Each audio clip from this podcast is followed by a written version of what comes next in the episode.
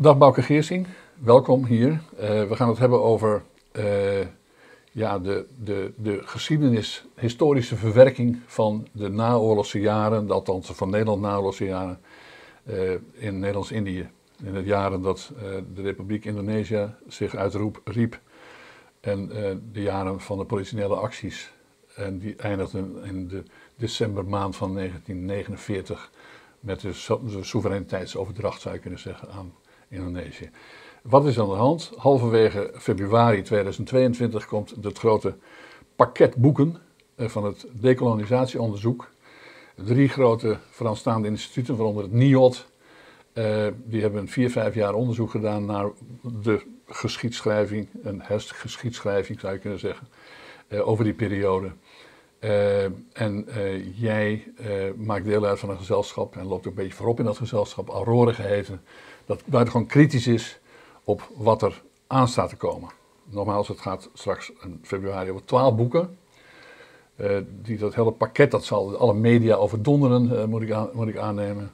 Uh, maar je maakt al enkele jaren bezwaar tegen de gang, tegen de origines en de, de gang die dat onderzoek met zich meebrengt.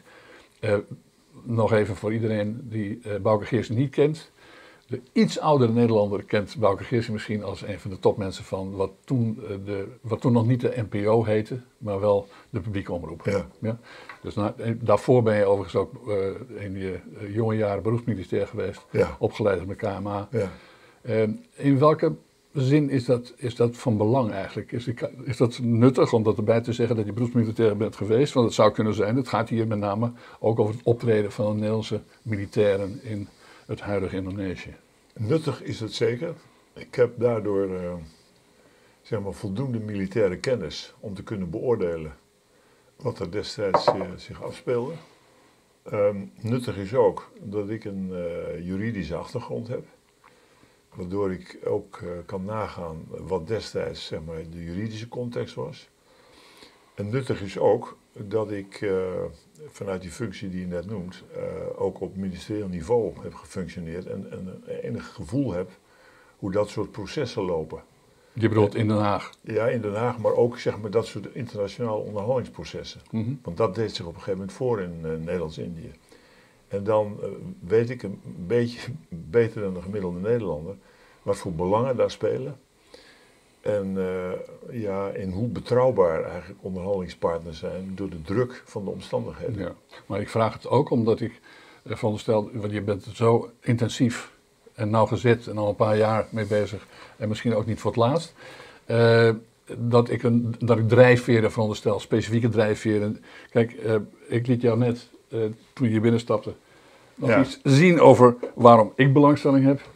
Nou, dat is ongeveer dit. Ja. Dit is een in het, in het koffer die mijn vader in 1950 meenam uit, eh, Java, ja. uit wat toen inmiddels Indonesië was. Ja.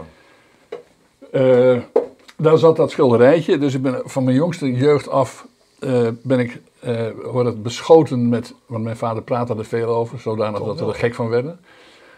Hij was ook niet getraumatiseerd of zoiets, tenminste vond hij zelf niet. Maar, maar goed, ik heb er dus iets mee, zal ik maar zeggen. Hoewel ik de echte belangstelling daarvoor nog even van me uitschuif. Maar wat heb jij ermee? Eh, ik heb ermee dat ik van huis uit eh, meegekregen heb een sterk gevoel voor rechtvaardigheid. Eh, toen ik zeg maar wat terugtrok uit het uh, arbeidsgeme leven, dacht ik, ga geschiedenis studeren. En ik studeerde geschiedenis van Nederlands-Indië. Dat boeide mij zeer. En daar ontdekte ik wonderlijke ontwikkelingen. Die mij aanleiding gaven om mij verder te verdiepen. De- Ik bedoel, een wonderlijke ontwikkeling in de ontwikkeling van de geschiedschrijving. Nee, gewoon, wonderlijke fenomenen. Ik, ik, ik stuitte bijvoorbeeld op ehm, het fenomeen dat aanvankelijk iemand wordt geprezen omdat hij eh, heel effectief een regeringsopdracht had uitgevoerd. Dat was de militair Westerling. Dat was eh, kapitein Remo Westerling. En ik las door en ik lees, als ik verder lees, zag ik dat de man werd verguisd. Mhm, Ik denk, hoe is dat mogelijk? Wil ik meer van weten. mhm. Dus of het ene is waar of het andere is waar. Daar, daar was- bijna geen tussenweg. Ja. Uh, ik woonde toen al in Zuid-Frankrijk, waar ik nog steeds woon. En ik had een keer een, uh, een toespraak gehouden over uh, Julius Caesar. En ik ontdekte dat bij Julius Caesar iets vergelijkbaars aan de hand is geweest. Hij is verguisd Ja. als, als, als de, de man die de republiek om heeft geholpen. Tot ik een hele belangrijke bron ontdekte, een Amerikaanse hoogleraar. zei, dat is helemaal niet waar. Eh, Julius Caesar was juist de redder van Rome. Maar Je kunt dus in de loop van de geschiedenis opgehemeld worden, Oei, dat is eh, gemythificeerd worden Dat en je kunt verguisd worden. Eh, naar gelang moet ik aannemen, de, de, de, de leiders van de huidige tijdgeest er belang bij hebben. Nou, je, je noemt het woord tijdgeest, dat is heel belangrijk. Nou, het is zowel tijdgeest bepaald als methode bepaald. Dus als jij een, als je als de historicus een, vind ik, dus een verkeerde methode kiest, dan kom je op een heel ander doel uit dan wanneer je een wetenschappelijke methode kiest. Ja. En ik heb geleerd van mijn leermeester op de KMA, dat waren niet de minste, Karel van Dreven was er een van, die zei, nooit ideologisch, altijd methodisch, wetenschappelijk verantwoord. Ja. Toen dacht ik, dat ga ik doen. Met in mijn achterhoofd, ik wil rechtvaardigheid en waarheid terugvinden. Ja. Dus moet ik een model ontwikkelen waarlangs en met behulp waarvan ik dat ga opsporen.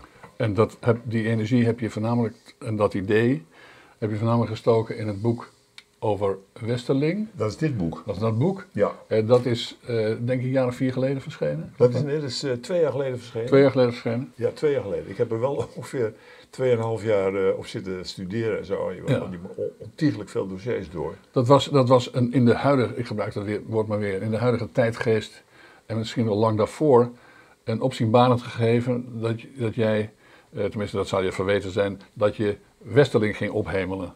Nou ja, ik heb Westerling niet opgehemeld. Nee, nee, wel- maar dat zou je verweten zijn. Ja, ja, nee, oh, nee, dat heb je gelijk. Er werd mij dus verweten dat ik een vriendje van Westerling was geworden. Terwijl ik de man helemaal niet kende Nee. en daar ging het me ook helemaal niet om. Misschien moet ik, voordat we ermee verder gaan, Westerling was in de loop van de, de jaren 60, 70, vooral denk ik, Ja, eh, was dat eh, ongeveer het, het, het toonbeeld de, eh, van de Nederlandse misdaden in het naoorlogs, wat voor ons gesproken het naoorlogse. nog steeds. eh, ja, nee, zeker.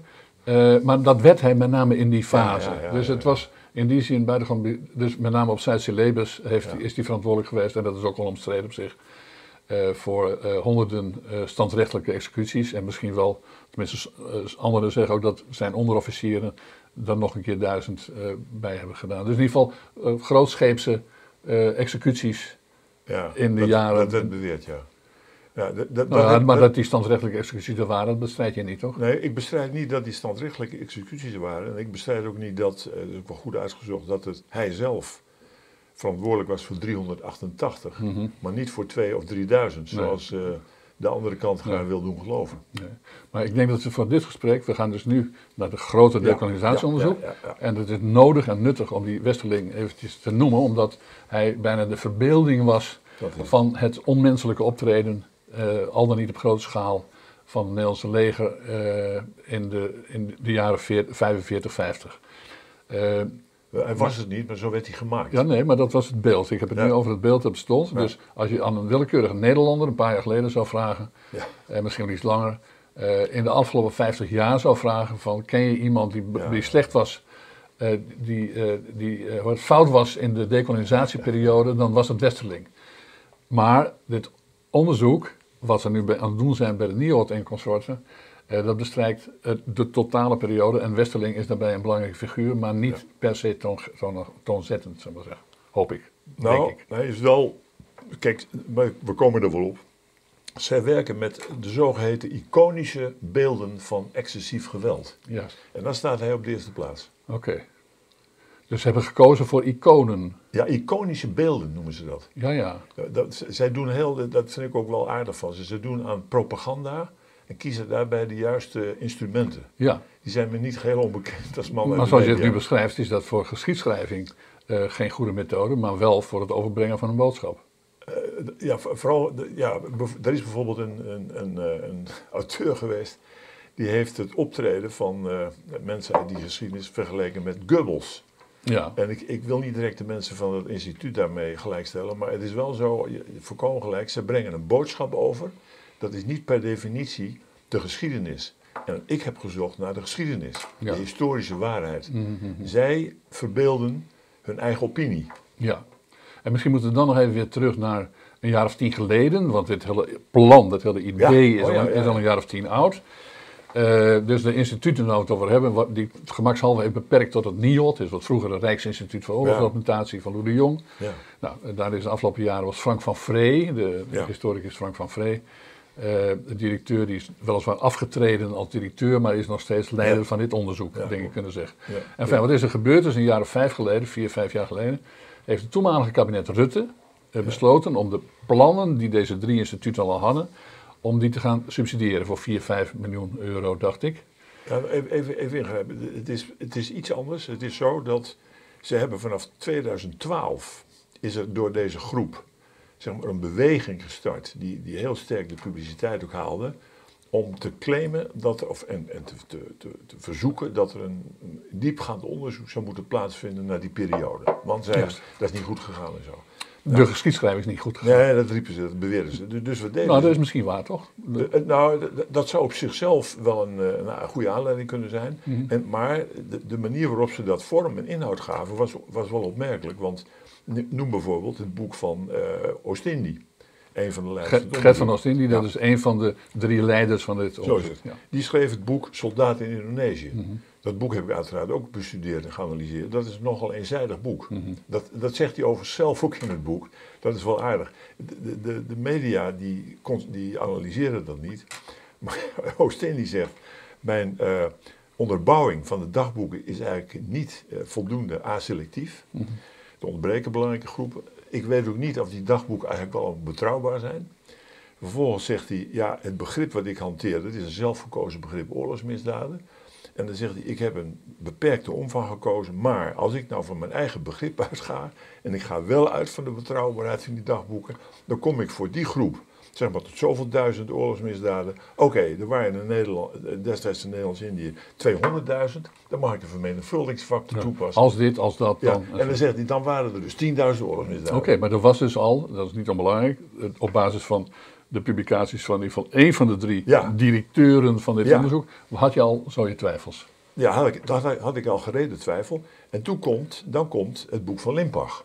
Vertel even, dat is een Nou, Zwitserse historicus. Dat is een, eh, een Nederlands-Zwitserse meneer die eh, heeft gestudeerd aan de Universiteit van Bern. Is daar na twee jaar journalist geweest. En die is naar onze wijze van analyse, is hij vervolgens opgepikt door de mensen van, ik denk van NIOD, van Mhm. Romein. Ja. En die is op een dissertatieonderzoek gezet. Ja, Dat dissertatieonderzoek leidde tot eh, zijn promo- promotie in Bern in 2015. juist. Dat haalde helemaal de media niet, want het was Duits en zo. Ja. En dat, bovendien, de verdediging was eh, in besloten kring. En dan moet je je daarbij voorstellen dat de verdediging plaatsvindt in afwezigheid van de promotor, die niet op de hoogte is van de dossiers. Romein. Laten we dat kort samenvatten. Je hebt zo je twijfels over de promotie. ik, ik heb daar nogal wat twijfels Ja, over. Hij- maar, hij- maar daar moeten we niet al lang op doorgaan. Nee, nee, oké, dat moet niet lang. Maar goed, hij, hij promoveert erop, krijgt daar het eh epitheton summa cum laude. Dank u wel. Vervolgens neemt eh, de directeur, toenmalige directeur Kamphuis, van een van die drie instituten, het Ja. initiatief om daar een boek van te laten maken. In Nederland. In Nederland. Nederlandstalig. Ja. Dat komt een jaar later uit en dat wordt gepresenteerd door de co-promotor Romein. Ja. eh, met het beeld, ja, dit is eh, de dissertatie van Limpach één op één vertaald. Dat is dus niet zo, Mhm. want het boek is 150 pagina's dikker. Ja. Bevat allerlei eh, beroerde foto's en zo Ja. voor Indië-veteranen, et cetera. Maar wordt- goed, als het, boek, als het boek deugt, dan is niks aan de hand, zou ik zeggen. Eh, die- met die aanname is, is dat zo, maar nou blijkt ook nog een keer dat het boek niet deugt. Mhm. Eh, ik, ik weet niet of het in, in dit gesprek. Nee, maar je kunt het samenvatten. Nou, ik kan het zo samenvatten: het is niet gebaseerd op een wetenschappelijke methode. Het is een zoektocht naar zwarte bladzijden. Ja. De begrippen zijn onduidelijk en niet toepasbaar. Hij past systemen toe die niet zijn uitgewerkt. Dat erkent hij overigens allebei zelf, die twee dingen. Bijvoorbeeld het begrip militaire noodzaak, essentieel om vast te stellen, is er wel of niet excessief geweld. Ja. Hij zegt, ja, ik heb het niet uitgewerkt, maar ik heb het toch toegepast. Nou, dan vervolgens eh, op het eind eh, allerlei conclusies. Eh, ik heb het boek diepgaand geanalyseerd voor mijn boek. Ja. En ik heb vastgesteld dat in die beschrijving van Westerling en de Zuidse levensaffaire heeft Limpach ten minste 50 fouten gemaakt. Ja. En dat zijn niet de meest lullige fouten. Van En dan, en gebruik ik jouw redenering nu even. Als dat de rest van het boek op dezelfde Voilà. manier... Ja, oké. Nou, dat Ja. bedoel ik. Nou, laat ik zeggen. Mag ik even inhaken op iets wat je zegt? Ja. Je, je, je, je, eh, je gebruikt even het woord zwarte bladzijden. Ja, Dat zegt hij zelf. Ja, dat, dat, dat, hij zelf. Nee, dat nee, nee, nee, d'accord. Dat- Dat is des te beter dat hij dat zelf zegt. Ja. Eh, en dan eh, ben ik misschien een beetje vooruitlopen op de rest van ons gesprek. Maar eh, bij Zwarte Bladzijde moet ik altijd meteen denken aan de huidige, nog net minister van Onderwijs, mevrouw Ingrid van Engelshoven. Die, die vier, vijf jaar minister is geweest. En al die tijd op zoek was geweest met kennelijk haar omgeving. Ja. op zoek naar de zwarte bladzijden uit de Nederlandse geschiedenis. En die zwarte bladzijden dan zijn altijd, is er altijd koloniale geschiedenis. Is altijd eh, verzwaard die koloniale geschiedenis met slavernijgeschiedenis. Absoluut. Er is, eh, en dan, dan kom ik op mijn vraag. eh, het, zou het zo kunnen zijn, en dan gaan, daarna gaan we gewoon door met de geschiedschrijving. dat er een, op, in dit huidige tijdsgewricht een, een, een tijdgeest is in Nederland die erg op zoek is naar zwarte bladzijden van de Nederlandse geschiedenis. Met name op deze terreinen. Er is een groep in Nederland, eh, die bevindt zich aan de universiteiten van Amsterdam, Leiden, Utrecht. Eh, ik denk ook zelfs al in Maastricht, Open Universiteit, die daar inderdaad actief naar op zoek is. Mhm. Ehm, dat is al jaren zo. En die wordt door de politiek gehonoreerd.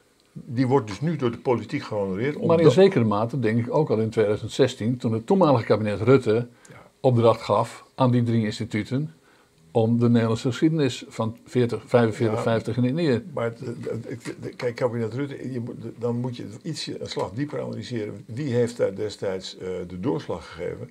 Dat was de toenmalige PvdA-minister van Buitenlandse Zaken. Juist, Bert Koenders. Bert Koenders. Dat was een vriendje van deze groep. Juist, En die heeft bepleit het kabinet, dat moesten we maar gaan doen. ja. En wat komt er dan uit? Dan komt er een brief uit van 2 december 2016, waarin staat, op zichzelf vind ik dat, een keurige opdrachtformulering. Yes. Breed onderzoek, objectief, alle elementen, alle actoren, niet alleen het geweld van Nederlandse militairen, sterker nog, ook als Nederlandse militairen geen geweld gebruikten en werden ingezet, ook dat beschrijft alles. Ik denk, nou, dat ziet er veelbelovend Ja. uit. En wat doet nu deze groep? Die denkt, waar is de dichtstbijzijnde prullenbak? Dan gaat daar de brief in. Je bedoelt die drie instituten? Ja, Ja. Die, die gooien daar dus die eh, opdracht in, in die prullenbak. En die zeggen, wij gaan terug naar onze uitgangsstellingen van 2012. En die uitgangsstelling is, wij gaan speuren naar het exclusieve. Nederlandse geweld van Nederlandse militairen. Die zwarte bladzijden, want, is dan de redenering, die zijn altijd meestal in de toofpot gestopt en, en, en gebagatelliseerd, et cetera. En wij laten nu eens even zien wat er echt aan de hand was. Dat, dat, dat is wat ze aan het doen zijn. Ja. Zeer eenzijdig. Als, als, het de, als, als het zo is dat de geschiedschrijving tot dan toe onvolledig of eenzijdig was, dan werd het ook tijd dat er iets gebeurde. Maar, jouw maar jouw verwijt is denk ik in de eerste plaats dat ze gaan overcompenseren. Of is dat het? Nou, zij, zij zijn helemaal niet, eh, als ik hier mij uit mag spreken, zij zijn helemaal niet bezig met wetenschappelijk onderzoek. Zij zijn bezig met het realiseren van een politieke agenda die eh, wordt geïnspireerd door wat wij wel herkennen nu als de critical race theory, de kritische rassentheorie. Ja. En die, die luidt eh, heel kort als volgt. Alles wat het Westen heeft gedaan, vooral de westerse witte man en de westerse cultuur, is slecht. De white man's burden. Ja, die moet dus bestreden worden, die, die, die, die slechtigheid. En dat gebeurt door de zaak geheel om te draaien. Dus kolonialisme is per definitie 100% fout. Iedereen die daaraan heeft meegewerkt en die zich daarvoor heeft ingezet om dat niet onmiddellijk te laten omslaan, destijds in die dekolonisatie, is fout. En weet je wat we nu gaan doen? Dan pakken we bij uitstek het instrument wat geweld gebruikt, dat gaan we uitvergroten. En kijk hier, dan krijgen wij ons gelijk. Eureka, zou Ja. bijna zeggen. Dat is wat ze doen. Dat, dat weet je. Kijk, we spreken hier aan de vooravond van de grote publicatie van al die twaalf boeken met al die verhalen die we daarover zullen, eh, te zien zullen krijgen. Maar ho- hoe, hoe, hoe zeker weet je dat? Want we, kijk, we hebben het al even gehad over het boek van een van de directeuren van Oost-Indië. We hebben het gehad over de Zwitserse meneer die een boek heeft geschreven en die, eh, die hier eh, geweldig opgehemeld is. Ja. En die, dat boek was de, de reden waarom het kabinet, althans het alibi, waarom het kabinet er 4, 5 miljoen voor uittrok om dit mogelijk te maken. Maar wat zijn de, hoe weet je zo goed wat er verder in die boeken staat? Nou, kijk, een paar dingen. Wij weten heel goed wat de onderzoeksopzet is, want het is, dat is gepubliceerd. Ze hebben een onderzoekopzet gewoon, dat kan je gewoon vinden. Wat je dus ook kan doen is dat analyseren. En dan zie je dus wat de lijnen Ja. zijn die erin zitten. Vervolgens hebben ze eh, zich zo eh, sterk gewaand dat ze, weet je wat we doen? Wij doen vijf tussenpublicaties. Dus over verkrachting, over eh, extreem geweld, over eh, de, de, technisch geweld en noem maar op. Dus ze hebben gewoon vijf publicaties gemaakt, die hebben wij overigens allemaal geanalyseerd en op gereageerd, ook naar hen toe. Dus zij maken duidelijk, zelf duidelijk, waar ze staan. Ja. Dat, dat, dus eigenlijk zie je het als je ermee bezig gaat. Je bedoelt te zeggen, het, is eigenlijk, het, het zal nauwelijks een verrassing zijn straks Nee, wat we op 17 februari te zien krijgen. Omdat voor ons al- niet. alle wegen leiden al naar Rome, zullen we zeggen. Ja, dit, dit- is dan een ander Rome, maar... Ja, ja, nee, maar goed, inderdaad, je, je, je kunt gewoon zeggen, ze hebben hun sporen eigenlijk nagelaten. En zoals het betaamt bij een onderzoek, als je weet wat hun doelstelling is, en je kent hun sporen, dan weet je precies wat het uitpunt is. Ja. Dus daarom, die, die reacties van mensen die zeggen, ja, bent u niet wat voorbarig, eh, meneer Geers? Ja, meneer stel ik die vraag ook natuurlijk. ja, we zijn helemaal niet voorbarig, we zijn eigenlijk mooi op tijd. Ja. En, en ik, ik neem aan, eh, dat, dat eh, liet je mij in ieder geval weten, dat, dat je ook mooi op tijd wilt zijn, al was het maar omdat je vreest dat de, de meeste media eh, achter dit, dit onderzoek aan gaan lopen. Ja, en, en dus het, het sentiment over zullen gaan nemen. Even aangenomen dat het sentiment is. Zullen we Dat, Nou, er is een, eh, dat- vind ik wel een, een, vraag die ook, ook kern van deze discussie eh, raakt. Want kijk, je, je komt hier natuurlijk niet zo ver mee, zoals zij bezig zijn, als je niet support hebt van de massamedia. Mhm. Die hebben zij. En als men mij vraagt, hoe weet je dat? Zeg ik, dan moet je de krant gaan lezen, dan moet je Ja. de televisie volgen. Zelfs de mij nog dierbare publieke omroep eh, ontkomt daar niet aan. Dus er wordt heel veel publiciteit gegenereerd. Dat doen ze op zichzelf knap. En die publiciteit die staat te weinig open voor het andere verhaal. En eh, ik denk dat dat mede is te wijten aan, of te, te, te, nou, te verklaren is uit, wat je net aanraakt, dat is de tijdgeest. Kijk, ik, ik trof laatst iemand die zei tegen mij, jij woont in Frankrijk, be happy. Ik zei waarom? Nou, in Nederland wordt het Amerika van West-Europa. Ik zei, wat bedoel je? Toen kwam hij dus met die hele woke-filosofie aanzetten, et cetera. Black Lives Matter. Eh, al die dat- dingen ja. die ertoe leiden dat in Nederland maar binnen een hele smalle marge nog kritisch mag worden geopereerd. Als je daar buiten wil opereren, dan word je gecanceld of sterker nog bedreigd. Nou ja, maar dat verklaart, dat verklaart eh, dan ook het, eh, de redelijke zekerheid dat je kunt voorspellen dat die twaalf boeken die straks gaan verschijnen, eh, dat die allemaal omarmd zullen worden en dat de bevindingen eh, algemeen zullen worden. Want het risico is natuurlijk groot dat als je daar iets van zegt, dat je dan zelf bent, fout bent na de oorlog, om het zo maar te zeggen. Ja, Toch? kijk, laat ik zo zeggen, er is wel enige moed nodig om, om standvastig te blijven. Eh, kijk, ik put uit de volgende dingen hoop. In de eerste plaats is het zo dat eh, er bestaan nog steeds wetenschappers, die doen ook mee met ons eh, onderzoekgenootschap Aurora, die de, zeg maar de, de, door de verlichting geïnspireerde kritische wetenschap wensen te blijven beoefenen.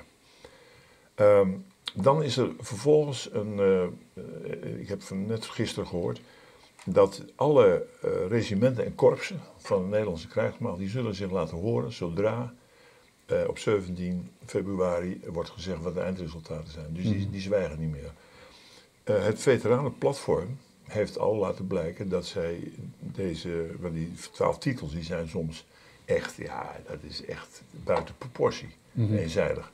Daar hebben ze zich al eh, zeer negatief over uitgelaten. Ik weet dat En de organisatie van Indische Nederlanders zijn natuurlijk nou al een tijdje de- bezorgd. De, zeg maar de FIN, de Federatie van Indische Nederlanders, met, met hun voorman, de, de, bekende Hans Mol. Hans Mol, die heeft natuurlijk al meermalen laten zien dat dit niet deugt, dat het zeer eenzijdig is. Dus er het is, er is natuurlijk een andere stroming in ontwikkeling en die neemt in kracht toe. ja.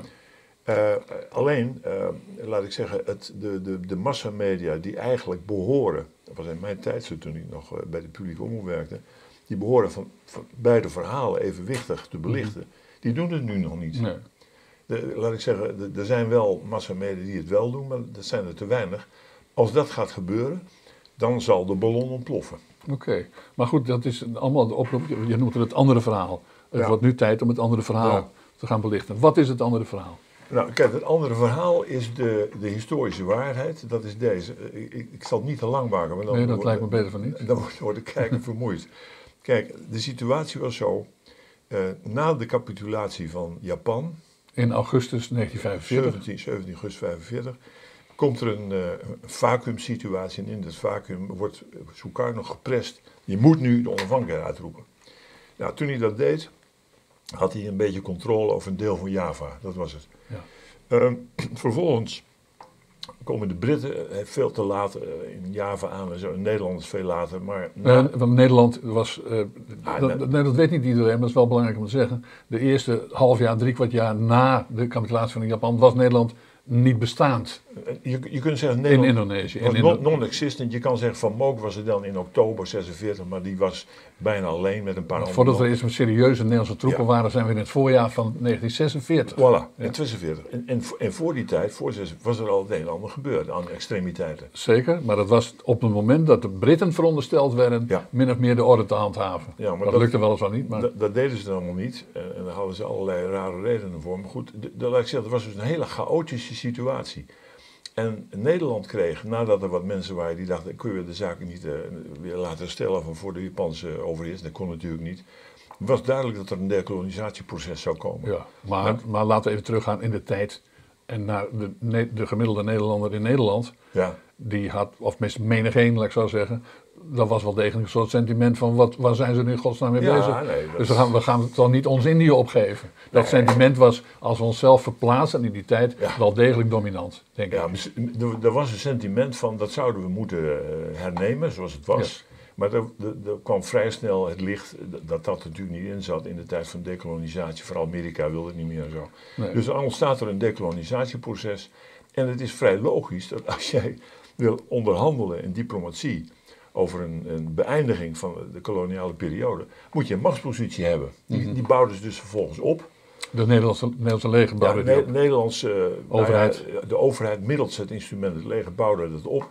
En inderdaad, wat bleek, Sukarno wilde ook pas onderhandelen, dus zeg maar de nationalisten, de republikeinen, toen Nederland daar een zekere positie had opgebouwd. Vuisten had laten zien. Ja, voor die tijd zei Sukarno, hoe bedoelt u met u met Nederland praten? ik ben toch al wel? onafhankelijk? Ik ben toch al onafhankelijk, dus waar heb je het eigenlijk over? Dus toen die machtsposities zich uitkristalliseerden, toen ontstond er een onderhandelingsproces. Wat gebeurt er nu tijdens die onderhandelingsprocessen? Ik- Voor zover mijn analyse dat, eh, dat heeft geleerd. Nederland was, eh, zich, liet zich inspireren door vooral moralistische overwegingen, vrij legalistisch. Eh, wist niet precies, vooral in, in, in Den Haag niet, wat er eigenlijk in Indonesië of in Nederlands-Indië aan de hand was. En eh, ja, die, die was daardoor wat kortzichtig, naar mijn oordeel. En die wisselde bovendien. Het was natuurlijk niet zo dat het omstreden was. De een die zei we moeten het houden, dat Indië. En de ander zei van nou we geven het wel op, maar nu nog even niet. En enzovoort. Ja, Met dat- alle, alle varianten. Het, het was een amorfe zaak en, en vooral de, de lokale, nationale politiek was, was een, een blok aan het been. Eh, in het bijzonder de, de Partij van de Arbeid met, met vooral de linkervleugel, die zich nogal liet gezeggen door de CPN en zo. Ja. Dat, dat, dat maakte dat Nederland eigenlijk vooral in het begin zeer ineffectief opereerde. Politiek dan, hè. Mhm. Dan is het eigenlijk vrij bewonderenswaardig dat Nederland in zo'n korte tijd zeg maar, instrument op touw op poten weet te zetten, wat daar naartoe kan worden gestuurd om rust, orde, vrede en onderhandelingsruimte te, Ja. te verschaffen. En dit is het moment om dat even samen te vatten. Want eh, ik corrigeer me vooral. Eh, wat ik me van herinner is dat er in totaal rond de 150, 170.000 Nederlandse militairen zijn geweest. Ja, uiteindelijk ja. Ja, in die orde. Waarvan ongeveer 100.000, kleine 100.000 dienstplichtigen. Ja, ook dat. Ja, Ja. Die daar eh, vaak totaal onvoorbereid. eh, neem, neem die vader van mij die daar ongeveer op klompen eh, heen werd gestuurd, zal ik maar zeggen. Die, die dus zijn provincie nooit uit was geweest, maar plotseling wel aan de andere kant van de wereld verkeer- verkeerde. Maar dus dat, om dat soort aantallen ging het. Wat natuurlijk, als je naar de huidige maatstaven, de huidige wereld dat zou vertellen, is dat werkelijk giga. Dit was het doodarme Nederland, Ja, dat, ja, dat failliet was na de oorlog. ja. Dat stuurt om deze kolonie te redden. Eh, want dat was toch eigenlijk de, de drijfveer zo ongeveer. Of, de- of dan wel de dekolonisatie te beheersen. Nou, je gaat iets te ver. Het is niet te redden en beheersen, maar het was meer om, eh, als ik het nu zo achteraf eh, heb geanalyseerd, zonder een, daar een oordeel over verder te Mhm. hebben, was het meer de bedoeling om zeg maar, op een redelijke manier die dekolonisatie af te ronden en vooral ook de reeds geïnvesteerde economische belangen veilig te stellen. Zeker. Vergis je niet, Nederland heeft daar natuurlijk tientallen jaren op geïnvesteerd. Ja, ja. Ja, en die wilde dat ook veilig stellen. En de, maar, maar- maar dat heb ik nooit onderzocht of zo. Maar, en ook weinig ben ik erover tegengekomen. Maar ik heb wel gezien dat die vader van mij, om die nog één keer op te voeren. Eh, in, dat- in die fotoboeken van hem, dat zat, dan was hij aan patrouille, patrouille aan het plegen. Ik dacht in bandje Massin of zo, maar ergens op. een van de eiland, Indonesische eilanden, bij de, de Shell-raffinaderij. Dus ik heb toen als klein jongetje, toen ik het tegenkwam, wel gedacht van... Oh, het ging niet per se over onze nationale trots. Nee, het ging zeker ook over particuliere belangen. Ja, maar pas op, moet even, nu, nu, nu moet ik even een punt erbij voegen. Want wat deden nou die jongens van Sukarno, als ik ze zo mag aanduiden? Die hadden de tactiek van rood-witte terreur Ja. om de bevolking aan de kant te krijgen. En de verschroeide aarde Ja. om te zeggen, luister, en als je het niet doet met... Ze terroriseerden de bevolking ze, ze de bevolking en ze maakten de economie kapot. En waarom werden dus die Shell-raffinaderijen en die suikerfabrieken beschermd? Inderdaad, dat was natuurlijk ook in het voordeel van de Nederlandse belangen, maar ook de werkgelegenheid van de bevolking. Ja. De mensen die daar woonden, die werkten daar. Zeker. Die kregen daar een inkomen. Zeker. En die maar, konden daar maar de beslissing werd genomen in Den Haag.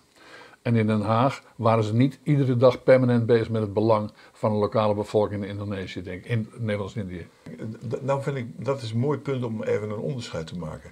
Tussen hoe Den Haag erin zat en hoe de lokale politieke leiding en de militairen erin zaten. Je bedoelt de lokale, de, onze mensen die in Indië zelf zaten. In Ja, Batavia. precies. Die hadden veel meer, zo- zeker de militairen en ook wel de, de politieke leiding en zo, die hadden veel meer eh, gevoel, maar ook kennis Van land en volk. van land en volk en wat de belangen van de, de, de, de lokale bevolking Ja. waren, dan de mensen in Den Haag. De mensen in Den. Haag die, die, die dachten soms, ja, ik begrijp, het, ik begrijp het eerlijk gezegd nog steeds niet goed, op een wonderlijke, eh, wat wereldvreemde, eh, lokaal politieke wijze. Soms, soms was, gaf de doorslag, krijgen we nu wel of geen kabinetscrisis. Ja, Maar niet van eh, wat is nou het beste voor Nee. dat landsdeel waarvan wij worden geacht Ja. op een gegeven moment eh, fatsoenlijk afscheid te nemen.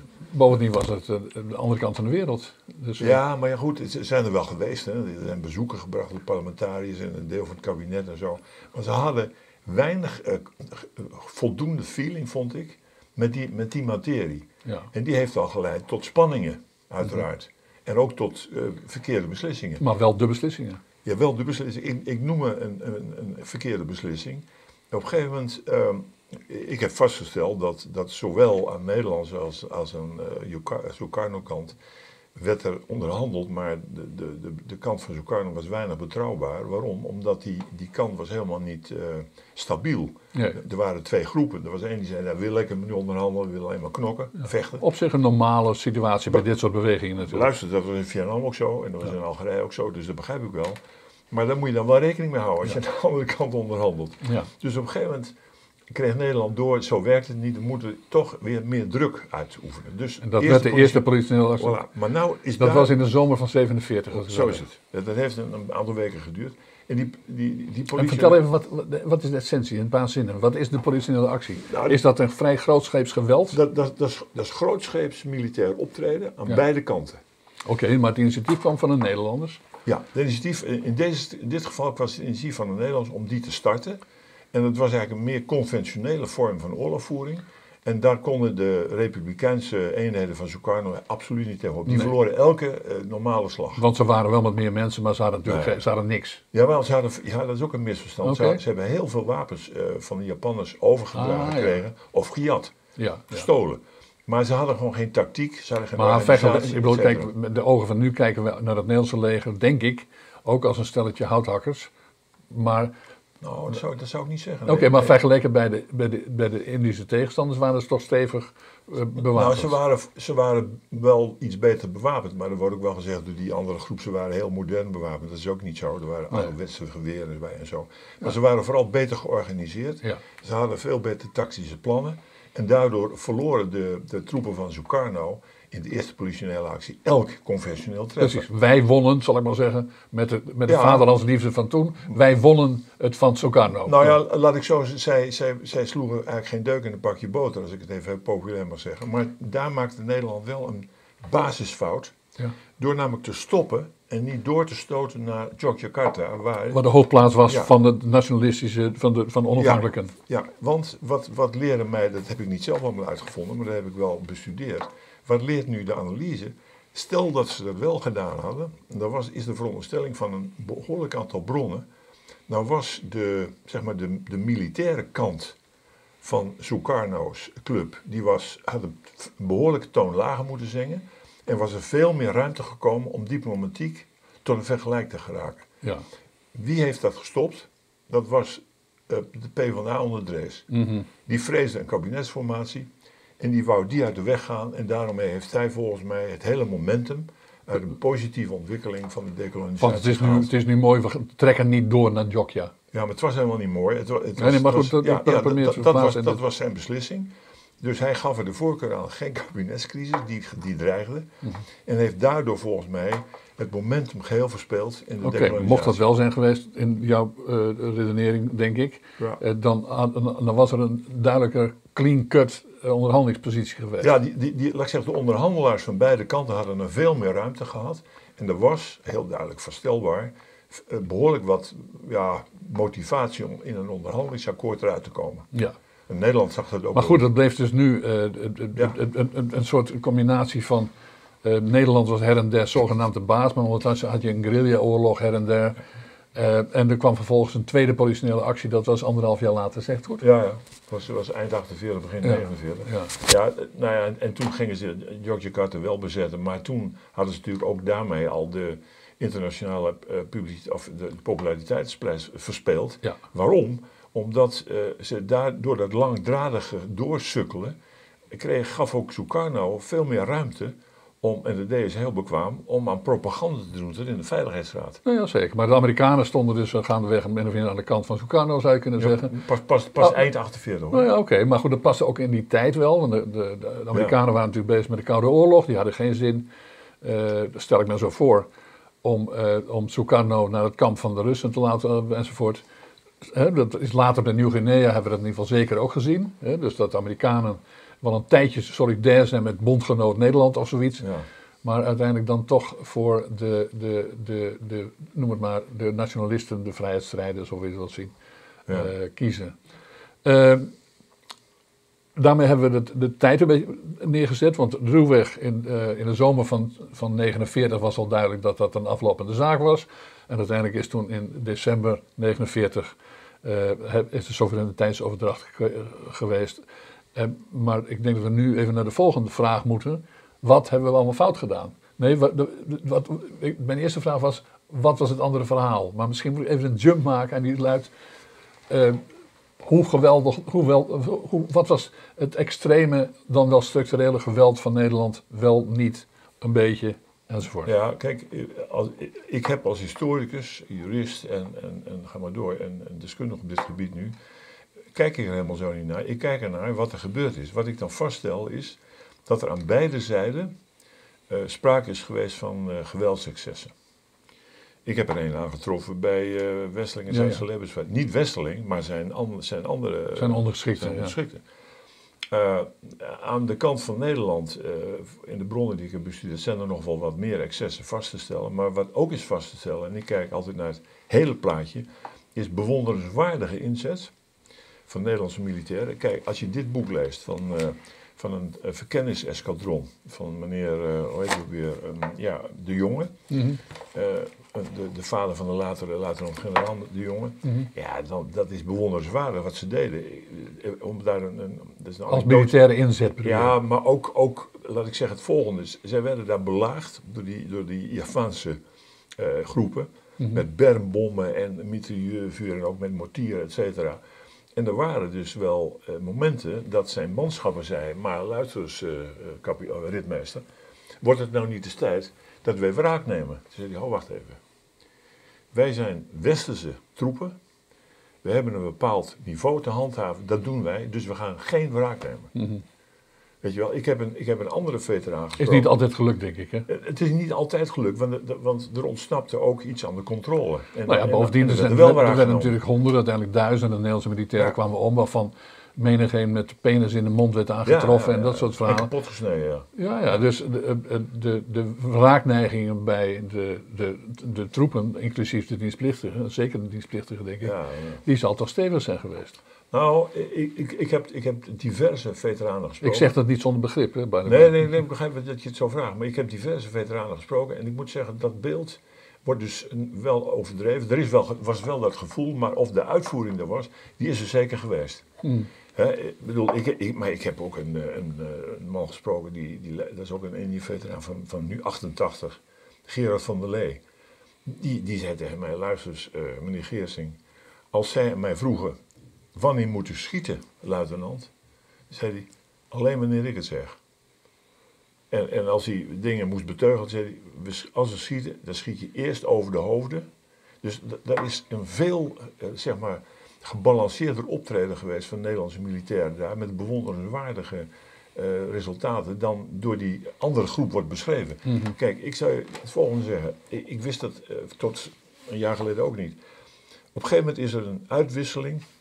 Dan komen de Indonesische hoofdofficieren, die komen in Nederland op bezoek. Die hebben op de KMA nog wat gedaan. In de jaren en zo. 50. Nee, nee, 60, 70. Ja, ja, oké. En eh, die, eh, die zeggen, wij willen graag een regimenten eh, bezoeken. En zo komen ze bij het troepen en andere korpsen. En die zeggen, wat raar. Ik zeg, wat, wat is raar? Jullie hebben helemaal niet op jullie vaandel staan Java en Sumatra. En hoe, hoezo, zeggen de Nederlandse officieren? Dan waren jullie toch heldhaftig bezig. Wat? Nou, dat eh, riepen ze tegen die Indonesische officieren. Als je dat nou eens zegt tegen Stemerdenk, onze minister van Defensie, dan zou hij prijs stellen. Nou, zeg, dat gaan we doen. Dus, Ja. die, dus die Indonesische hoofdofficieren, die gaan naar Stemerdenk. En op basis daarvan staan die vaandelopschriften Oké. op de vaandels. Dus de, de Indonesiërs moesten onze politieke leiding erop wijzen dat wij heldhaftig waren geweest. Ja, voilà. En, en, en, en ik zal je vertellen, nog een heel leuk voorbeeld is. Als wij naar Padang zouden gaan, op West-Sumatra, Mhm. dan is daar een monument opgericht in 1982 door Indonesische eh, veteranen. En daar staat op dat zij samen met de Nederlandse veteranen ook hebben opgetreden tegen rampokkers, misdadigers, et cetera. Ja. Dat monument nu. Want rambokkers waren criminele eh, Ja, bendes die, die, die, die maakten gebruik van de die, nou, die, die soms zich voordeden als, als militairen, maar in feite bendes De- waren. deed een beetje rood-wit op en zo, Ja. maar ze waren natuurlijk gewoon bezig met, met hun zakken te vullen. Ja, maffia zouden we zeggen. Ja, maar er waren gewoon maffia-bendes. Dat monument nu raakt in verval. In die tijd, in Indonesië had niet zoveel geld. Toen is dat weer opgekalefaterd met behulp van fondsen van Nederlandse veteranen. En die zijn daar toen ook naartoe gegaan en zo. En dan zie je dus dat aan de Indonesische kant, die, die ook anders naar die geschiedenis kijken. Die kijken daarnaar van, ja, het was een hele geschiedenis. Ja. En wij kijken daarnaar, een schuldige geschiedenis. Ja, Een schuldige. meer moralistische zin. Ja. ja. En zij zeggen, ja, we hebben toch iets tot stand gebracht, we zijn ontvankelijk geworden en zo. En dan eh, ontmoeten ze elkaar, en ik heb van meer eh, veteranen gehoord, hebben, hebben de mooiste bijeenkomsten. Die beschouwen zich als het ware als dienstkameraden. Ja, ja. En dan moet je kijken wat hier... Collega's. Ja, ja we, we stonden wel eens aan de verkeerde kant. Ik heb nog eens een voorbeeld van iemand gehoord die zei... Ik heb op een gegeven moment een vent ontmoet en die zei... Ah, ben jij die? Weet jij wel, zei hij, dat toen en toen had ik jou in het vizier. Het was een Indonesiër die spreekt, hè. En toen dacht ik, ik schiet niet. Hij zei, nou, staan we hier. En die mensen werden vrienden. Ja. Nou, die, die eh, zeg maar, openheid, die mist bij de groep... die nu bezig is met het meerjarenonderzoek, Ja. ten ene El- als ik lees, of ik hoorde, of misschien schreef je het mij, eh, dat je Frank van Vree, dus de, de Ja. directeur van het, eh, van het project, eh, verwijt dat hij eh, met een moralistische blik naar deze geschiedenis Ja. kijkt. Ja. En dus het is, je verwijt hem, als ik, corrigeer me als, je, als, je, als dat nodig mocht zijn, dat je een moralistische herziening van de geschiedschrijving. Ja, dat, dat, is, dat, dat is. Ja, ik denk dat, dat ik dat wel een verwijt wil noemen. Dat doet hij inderdaad. Eh, hij, dat is begonnen een, eh, een, een collega van hem, die nu die hem is opgevolgd bij het NIOD, Martijn Eikhoff. mhm. Die is ermee begonnen in 2012. Die heeft heel bewust een artikel geschreven waarbij die wat ze noemen het linkse narratief starten. Waarbij er wordt gespro- gesproken van het optreden van Nederland was een koloniale missie. Er was excessief geweld en, en oorlogsmisdaden, et cetera. Maar dat is als, als dat allemaal volstrekt klopt, dan, buiten de is dat een ideologisch, ideologisch motief. Hè? Dat Dat is ook zo. Ja. Van Vree heeft een keer gezegd toen die film De Oost speelde. eh, en toen hij zich eh, in de media toch wel iets moest verdedigen. Dat zei, ja, ja, maar ja, het is toch belangrijk dat dat soort films eh, gekomen. En die be- be- belichten alles van alle perspectieven. Wordt perspectief alleen al word ik niet helemaal goed als ik het hoor. Maar goed, want dat is nodig om ruimte te scheppen. Zodat we elkaar weer kunnen ontmoeten in de, de toekomst weer kunnen verbeteren. Nou, Dus, dus, dus dat betekent eigenlijk, dat interpreteer ik maar even, eh, dat wij ruim, eh, dat we onze, dat we ruim door het stof moeten en de schuld Ja. moeten bekennen, eigenlijk wel. eh, zodat we dan, Ja. daarmee ons de, aan, aan schuldwassing kunnen doen. Zoiets, het, het is een soort voetwassing, een soort van erfzonde redenering. Nou, die, dat, die, die heeft dus niets te maken met geschiedschrijving, helemaal niets. Maar ernstiger is dat die daarmee enorm veel pijn veroorzaakt bij Indië-veteranen die Ja. ik nu gesproken heb. Die, die, die vertellen mij letterlijk wat er gebeurd is. En dan vraag ik precies van de andere kant, hè, Mhm. als, als de diabel is, advocaat de diabel is. Mhm. Ik zeg, dat zeg je nou wel, maar... Nou, dan hoor ik dus verhalen en zeg ik, ja, dat, dat, dat is een geheel andere werkelijkheid. En die komt dus bij deze moralist van Vree niet aan de orde. Nee, want de geschiedenis, geschiedschrijving moet zich aanpassen aan de, de gewenste de, de dat uitkomst. Ja, ja. Kijk, de, de- als ik het nou kort mag zeggen, het is al zo, men heeft een doelstelling. De doelstelling is, Nederland heeft altijd dat geweld gebagatelliseerd. Dat zullen we nou eens even aantonen. En dan zoeken ze de bronnen en de getuigen bij. En dan, en dan gaat het zo, dan zeggen ze, en dan moeten we vooral, want het speelde in Indonesië, want ze hebben het nooit over Nederlands-Indië. Dus dan moeten we de Indonesische stem de doorslag laten Ja, ja. Begrijp je wel? Alsof ze die kennen, wat niet vaststaat, toch? Nee, maar dan, dan krijg ik, nee, die, die, natuurlijk niet. Ik heb met, met, met meneer Rabe wel gecorrespondeerd. En dan, dan vraag ik aan die mensen, wat bedoel je eigenlijk met de Javaanse stem? Ja, Wie, wie is dat? ja. Hoe heb je die gevonden? Wat is dat?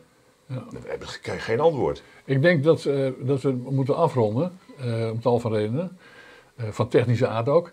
Maar maar een, een, wat, wat een, een basisnotie is, wat wens jij te bereiken? Wat wil je bereiken voor en na 17 februari is dit grote project gepubliceerd wordt? Ik, ik zou willen bereiken met mijn groep dat de historische waarheid op tafel moet komen. En dat betekent dus dat de Nederlandse regering de resultaten van dit onderzoek nooit kan accepteren als het laatste woord.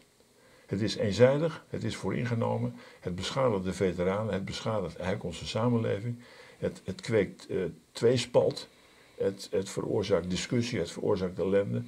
En wat ik zou willen, het tweede punt is, dat betekent dus dat het Nederlandse kabinet moet doen wat in de brief van 2017 staat. Dat is, wij gaan... Dat is hun eigen opdracht, hè? Dat is hun eigen opdracht. Wij moeten nu gaan nagaan, is wel voldaan aan onze opdracht? En we gaan de inhoud van, het, eh, van die resultaten nog eens tegen het licht houden. Is het wel een objectief wetenschappelijk onderzoek volgens onze opdracht? En onze stelling is, dat is het absoluut niet. En eh, met andere woorden, als straks 17 februari is geweest, dat is hooguit een tussenstap, maar daar zijn we er niet. Ik dank je wel. Graag gedaan. Oké.